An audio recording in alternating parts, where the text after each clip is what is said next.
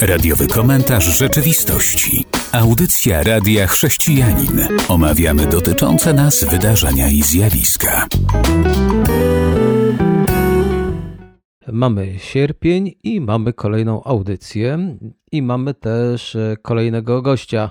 Po raz kolejny Tomasz Kalisz. Witam serdecznie. Najmocniej witam Państwa i bardzo przyjemnie, Robercie, spotkać się ponownie z Tobą. Też po raz kolejny. W kolejnym miesiącu. Tak jest. Kolejna nasza rozmowa. I kolejny temat, choć do niego powracamy, jak podał serwis Interia i wiele, wiele innych serwisów anglojęzycznych, temat ma ciąg dalszy. Chodzi o spalenie Koranu. Koran okazuje się płonie, ale nie tylko. Jak czytamy w serwisie Interia, niszczenie ksiąg świętych służy jedynie celowi tworzenia podziałów. Tak przekazał minister spraw zagranicznych Danii. Lars Rasmussen dodał, że rząd będzie dążył do tego, aby profanacje Koranu lub innych świętych ksiąg religijnych zostały prawnie zakazane. Jak zaznaczył, nie będzie do kodeksu przywracany zapis o bluźnierstwie. Być może taki mieli. No i ten minister spraw zagranicznych powiedział w wywiadzie dla duńskiego nadawcy publicznego, że palenie pism świętych służy jedynie celowi tworzenia podziałów w świecie, który faktycznie potrzebuje jedyności.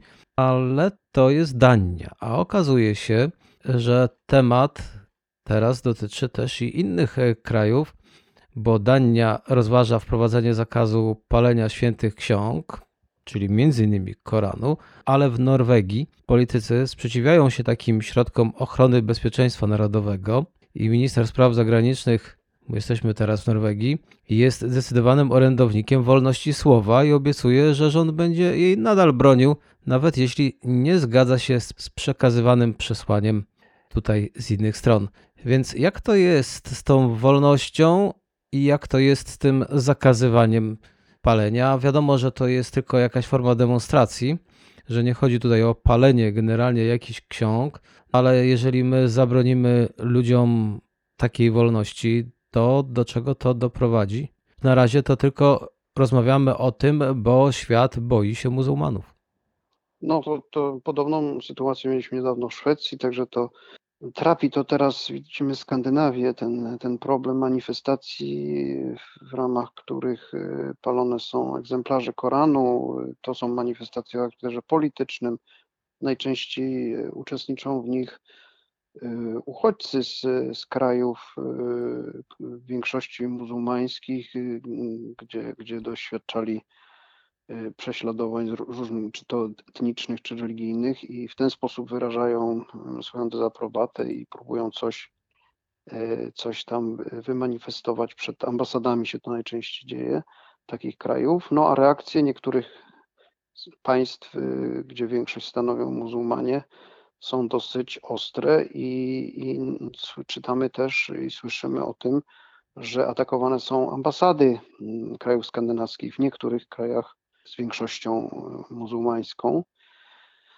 No, nie jest to przyjemne dla nikogo, ale tak jak e, wspominałeś, no, mm, e, toczy się dyskusja w, w krajach skandynawskich o granice wolności wypowiedzi, wolności słowa bo aczkolwiek jako, jako humanista wzdrygam się na, na, na myśl o tym, że ktoś pali jakieś, jakieś dzieła literackie, takie czy inne, ze względu na to, jakie one mają znaczenie e, dla czytelników. No nie jest to, nie jest to nic e, pożytecznego ani, ani pozytywnego, by, by niszczyć e, dzieła kultury, jakim są książki to tylko y, takie jakieś reżimy totalitarne czy, czy niesamowicie zideologizowane w historii zajmowały się paleniem książek. Oczywiście to są akty y, pewnych prowokacji politycznych, akty wyrazu, jakieś, jakieś performansy y, właśnie, właśnie drastyczne, polityczne. Natomiast no, reakcja na nie też, też nie jest ciekawa, no bo bo ludzie w różny sposób wyrażają swoje, swoje poglądy, uczucia, odczucia, chcą coś wykrzyczeć i e, przywiązywanie zbyt wielkiej wagi do, do, do takich aktów e, i grożenie na przykład mm, jakimś państwom, podpalanie ambasad, e, grożenie jakimiś środkami odwetowymi, to niczym dobrym nie wróży. w kulturze, w jakiej my funkcjonujemy, w naszej cywilizacji, niezgadzanie się, wyrażanie opinii jest, jest no, jedną z fundamentalnych, jest jednym z fundamentalnych przejawów wolności obywatelskich. I czy się komuś to podoba, czy nie, możemy, mamy prawo głosić różnego rodzaju poglądy. Pytanie tylko o formę tego, tego wyrazu. Natomiast no, ściganie z mocy prawa, no dobrze, że tam ten duński minister zastrzegł się, że nie będą przywracane przepisy o przeciw bluźnierstwom. No, my niestety w Polsce mamy niesławny przepis o obrazie uczuć religijnych, który powinien jak najszybciej zniknąć z kodeksu karnego. No bo cóż, jak, jak to definiować? Nawet jak definiować te księgi święte, dla jednego to jest tekstem świętym, dla innego coś innego i jak to chronić?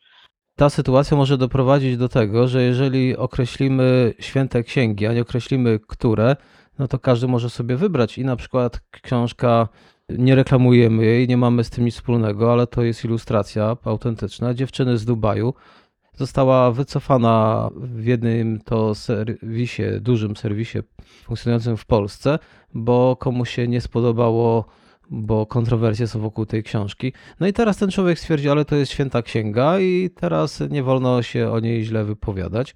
Więc albo pozwolimy na wolność, albo wpakujemy się w jakiś kanał w określaniu, które księgi są święte i będziemy bać się wyznawców danej religii. W tym wypadku powiedzmy sobie uczciwie, świat boi się muzułmanów i już jesteśmy w kropce, a jeszcze ta kropka idzie dalej, bo chcę tutaj powiedzieć, że dziennikarka Sofia Lovenmark opublikowała ostatnią ankietę, z której wynika, że społeczności muzułmańskie w Szwecji chciałyby całej listy ograniczeń w krytyce islamu, a nie tylko samej księgi zakaz palenia. Do palenia książek nikogo nie zachęcam, wręcz przeciwnie, y, należy szanować y, wszelkie y, dzieła, czyjąś własność.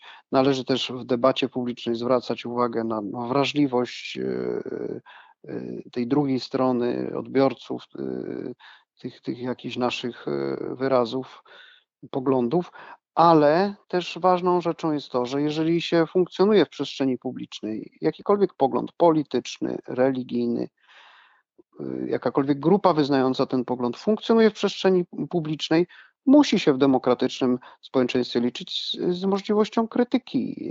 I, I, państwo ma stać tylko na straży bezpieczeństwa ludzi, a nie wypowiadać się w imieniu takiej czy innej grupy światopoglądowej i ją jakoś szczególnie chronić. Znaczy chronić trzeba na pewno wszelkiego rodzaju mniejszości przed, przed naciskami y, większości, natomiast y, no, nie zabraniać y, debaty, krytyki.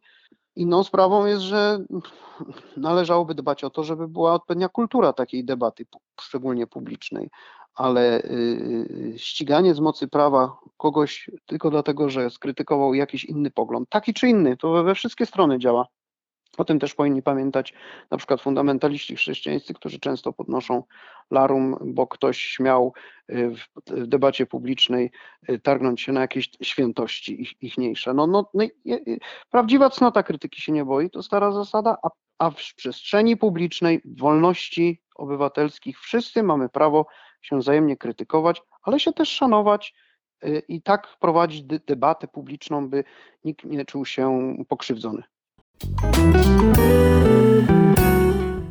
I jesteśmy już w kolejnej części naszej audycji, a teraz o tym, że prezydent Ukrainy Władimir Zełański podpisał w poprzedni piątek ustawę wprowadzającą nowy termin Święta Bożego Narodzenia w Ukrainie i będzie ono obchodzone nie 7 stycznia, lecz 25 grudnia. W przypadku świąt ruchomych, takich jak Wielkanoc, zostaną zachowane dotychczasowe zasady. No i proszę, co doprowadziła wojna? Doprowadziła do tego, że Ukraina nawet w takim to punkcie nie bardzo chce mieć coś wspólnego ze swoimi sąsiadami. No, to nie tylko jest kwestia sąsiadów, ale bo przecież znaczna część społeczeństwa ukraińskiego ze swoimi sąsiadami, czy to z Rumunii, czy, czy Mołdawii, czy, czy Rosji, czy Białorusi, będzie dalej miała dużo wspólnego bo, bo znaczna część tych społeczeństw to, to prawosławni. Natomiast y, jest tu kwestia kalendarza. Y, To jest pewna, pewna symbolika, że y, część kościołów chrześcijańskich funkcjonujących na Ukrainie no, chciałaby w symboliczny sposób zbliżenia do Zachodu poprzez zmianę kalendarza liturgicznego z, z juliańskiego na gregoriański. Stąd, stąd e, decyzje niektórych gremiów kościelnych, bodajże Kościoła grekokatolickiego i tego prawosławnego, który jest w jurysdykcji patriarchatu kijowskiego, czyli tego autokefalicznego, o tym, żeby, żeby Boże Narodzenie obchodzić razem z większością chrześcijan zachodnich, e, czyli, czyli według kalendarza gregoriańskiego. No to, to, to jest pewien tak symbol e, tej, tej podróży mentalnej i kulturowej na zachód e, narodu ukraińskiego. Jak widzimy, to dotyczy tylko na razie Bożego Narodzenia z Wielkanocą, której datowanie jako święta ruchomego jest bardziej skomplikowane w różnych tradycjach chrześcijańskich. To na razie tego tematu się nie, nie rusza. Tam w tych kalendarzach liturgicznych wielu, wielu z tych wyznań pozostaje, pozostaje stosowanie kalendarza juliańskiego, ale symbolika Bożego Narodzenia tutaj jest wyraźnie taka zachodnia. Tylko czemu się tym tak bardzo władza polityczna interesuje? No toż wyznawcy różnych e, kościołów, religii obchodzą sobie święta kiedy chcą. Czemu to ustawy i dekrety e, muszą regulować, tego nie wiem. Chociaż e, no, w wielu krajach ten, ten dawny obyczaj religijny jest odzwierciedlony w różnych świętach państwowych. Natomiast no, Ukraina jest tak zróżnicowana wyznaniowo, że państwo po- powinno raczej pozostawić te kwestie różnym, różnym grupom religijnym, a nie, nie, nie decydować za nich, kiedy, kiedy mają świętować. Także to tylko taka jedna uwaga, ale jak zauważyliśmy już wcześniej, w tym skomplikowanej sytuacji związanej z agresją Rosji na Ukrainę, yy, z tym, z tym właśnie mm, mentalnym rozchodzeniem się nawet prawosławia ukraińskiego od, od prawosławia rosyjskiego i z tym z, tym, z tą westernizacją e, cywilizacyjną zachodzącą na Ukrainie. No w tym procesie też często uczestniczy państwo, tam te wszystkie ingerencje w te monastyry, no teraz w, w kalendarz. Nie jest to chyba najfortunniejsze, żeby to czyniło państwo, ale Państwo jednak robi dzień wolny, więc państwo w jakiś sposób musi ingerować, bo wtedy chcieliby mieć wyznawcy dzień wolny, aby móc no, świętować. mam nadzieję, że państwo da też dzień wolny tym, którzy y, w innym kalendarzu będą różnego rodzaju święta obchodzić. Podejrzewam, że oni już mają wtedy wolne, a teraz oby im tylko nie zabrali. Państwo chce ingerować, ale teraz e, wrócę do tematu troszeczkę związanego faktycznie z tolerancją i chciałbym nawiązać do ubioru, bo kobiety na basenach publicznych w Katalonii mogą się pojawić zarówno bez górnej części stroju kąpielowego, jak i w zakrywającej całe ciało burkini. Jak przypomina lokalny rząd Katalonii, obowiązująca ustawa o równym traktowaniu i niedyskryminacji nie zezwala na ograniczanie dostępu do basenów publicznych kobietom ubranym w ten sposób. No i tutaj wracamy do tolerancji. Tak jak mówiłem, święte księgi, niech wszyscy je tolerują i każdy ma prawo wypowiedzieć się, jakie ma zdanie na ich temat. No to teraz y, będą mieli o czym dyskutować w Katalonii. A co to jest burkini, to ja tak wspomnę, to jest kostium kąpielowy noszony głównie przez muzułmanki. Strój, który pozwala na odsłonięcie stóp, dłoni i fragmentów twarzy, a tak są one zakryte. Czyli zazwyczaj są to długie spodnie, góra z długimi rękawami i okrycie głowy. No i teraz mamy też, i od razu chciałbym dodać, bo to jest Katalonia, tam zgodnie z ustawą z 2020 roku wprowadzony przez władze niektórych gmin, w tym wschodnim regionie Hiszpanii, zakaz korzystania z basenów publicznych ze względu na ubiór jest dyskryminujący. To mamy też Niemcy, które też mają chęć e, coś z tym zrobić, no bo na ich basenach też temat jest aktualny. Nie wiem jak będzie w Niemczech, no ale mamy tutaj Hiszpanię, gdzie na basenach pozwala się kobietom zarówno na pływanie w topless, jak i w burkini. No i proszę, religijny temat przeniesiony na praktyczne życie. To przede wszystkim jest kwestia, kwestia obyczajowości, bo chciałbym przypomnieć, że jeszcze 100 lat temu, nawet nad Bałtykiem, czy to na wybrzeżu niemieckim, czy polskim, czy szwedzkim, większość pań kąpała się i to mm, domniemywam, że to nie, nie wyznawczynie islamu, właśnie w takich strojach, które okrywały prawie całe ciało, a w XIX wieku to w ogóle wjeżdżały w takich zamkniętych wózkach prosto do wody, że nikt w ogóle nie widział, jak one się kąpały. Także to jest kwestia raczej obyczajowości. No i jak mamy zróżnicowane społeczeństwo etniczne, religijnie, no to będą ludzie w różnych strojach, w zależności od swoich tam zwyczajów i preferencji y, do tej wody się zanurzali. Byleby mogli się tam kąpać, byleby się tam nie pozabijali, no a jak ktoś chce w takim czy innym stroju, no to jego sprawa. No. Nie wolno narzucać też jakichś za bardzo strojów, ludziom nakazywać, zakazywać. No. Tak, no wolność, ewentualnie można dbać o jakąś e, kwestie obyczajowe, no raczej plaże nudystów się rozgranicza, chociaż nie aż tak bardzo, no każdy może tam przejść, e, ale są kraje na świecie, gdzie, gdzie są wydzielone plaże dla, dla różnych osób, to chyba właśnie w krajach e, takich restrykcyjnych, muzułmańskich, są wydzielone plaże dla turystów, którzy, dla kobiet szczególnie, które się kąpią, no tak bardziej po europejsku, po, po zachodnio po zachodniemu, no, tak żeby się te nie gorszyły te, te, te kobiety muzułmańskie. No a mężczyźni, kobiety jeszcze w XIX wieku w wielu krajach się kąpali nad morzem osobno, zupełnie osobno na przegrodzonych plażach. Znamy to ze starych zdjęć między innymi, ale dlatego o tym mówię, bo raz, że mamy lato, a dwa, że jak to chcą religijni E, pogodzić. W tym wypadku religijni muzułmanie, którzy narzucają kobietom swoim, żeby się tak ubierały, a zarazem e, puszczają te kobiety na basen, gdzie są inni, którzy ubierają się inaczej, a sami pewnie też im towarzyszą. Więc jest to troszeczkę, bym powiedział, nie do ogarnięcia, ale my już przechodzimy do przerwy muzycznej.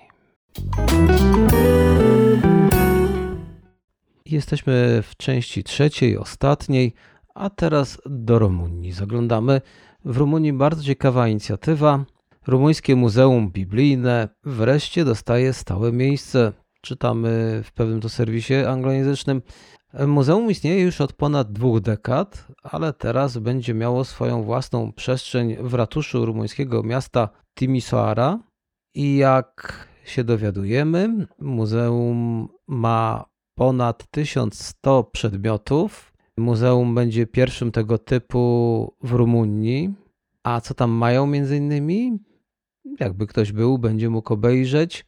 Posiadają Biblię wydrukowaną w 1475 roku i mają również mikrobrelok biblijny.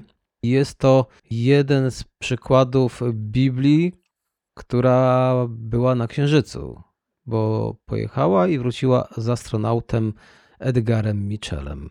A miasto, o którym mowa, gościło w przeszłości kilka takich tymczasowych wystaw biblijnych, a teraz będą mieli stałą ekspozycję i jak dowiaduje się, to też przyciąga turystów. Burmistrz Dominik Firc cieszy się, że muzeum będzie miało teraz swoje miejsce.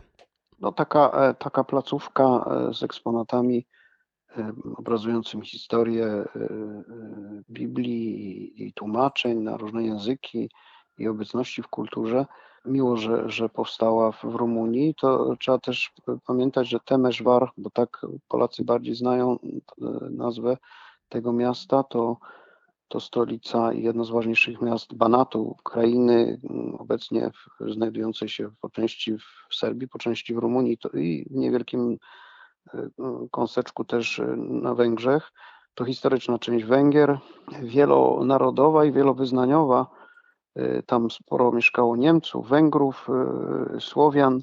Od czasów reformacji była bardzo silna obecność protestantów. Może dlatego, dlatego to, to Muzeum Biblii właśnie w takim mieście.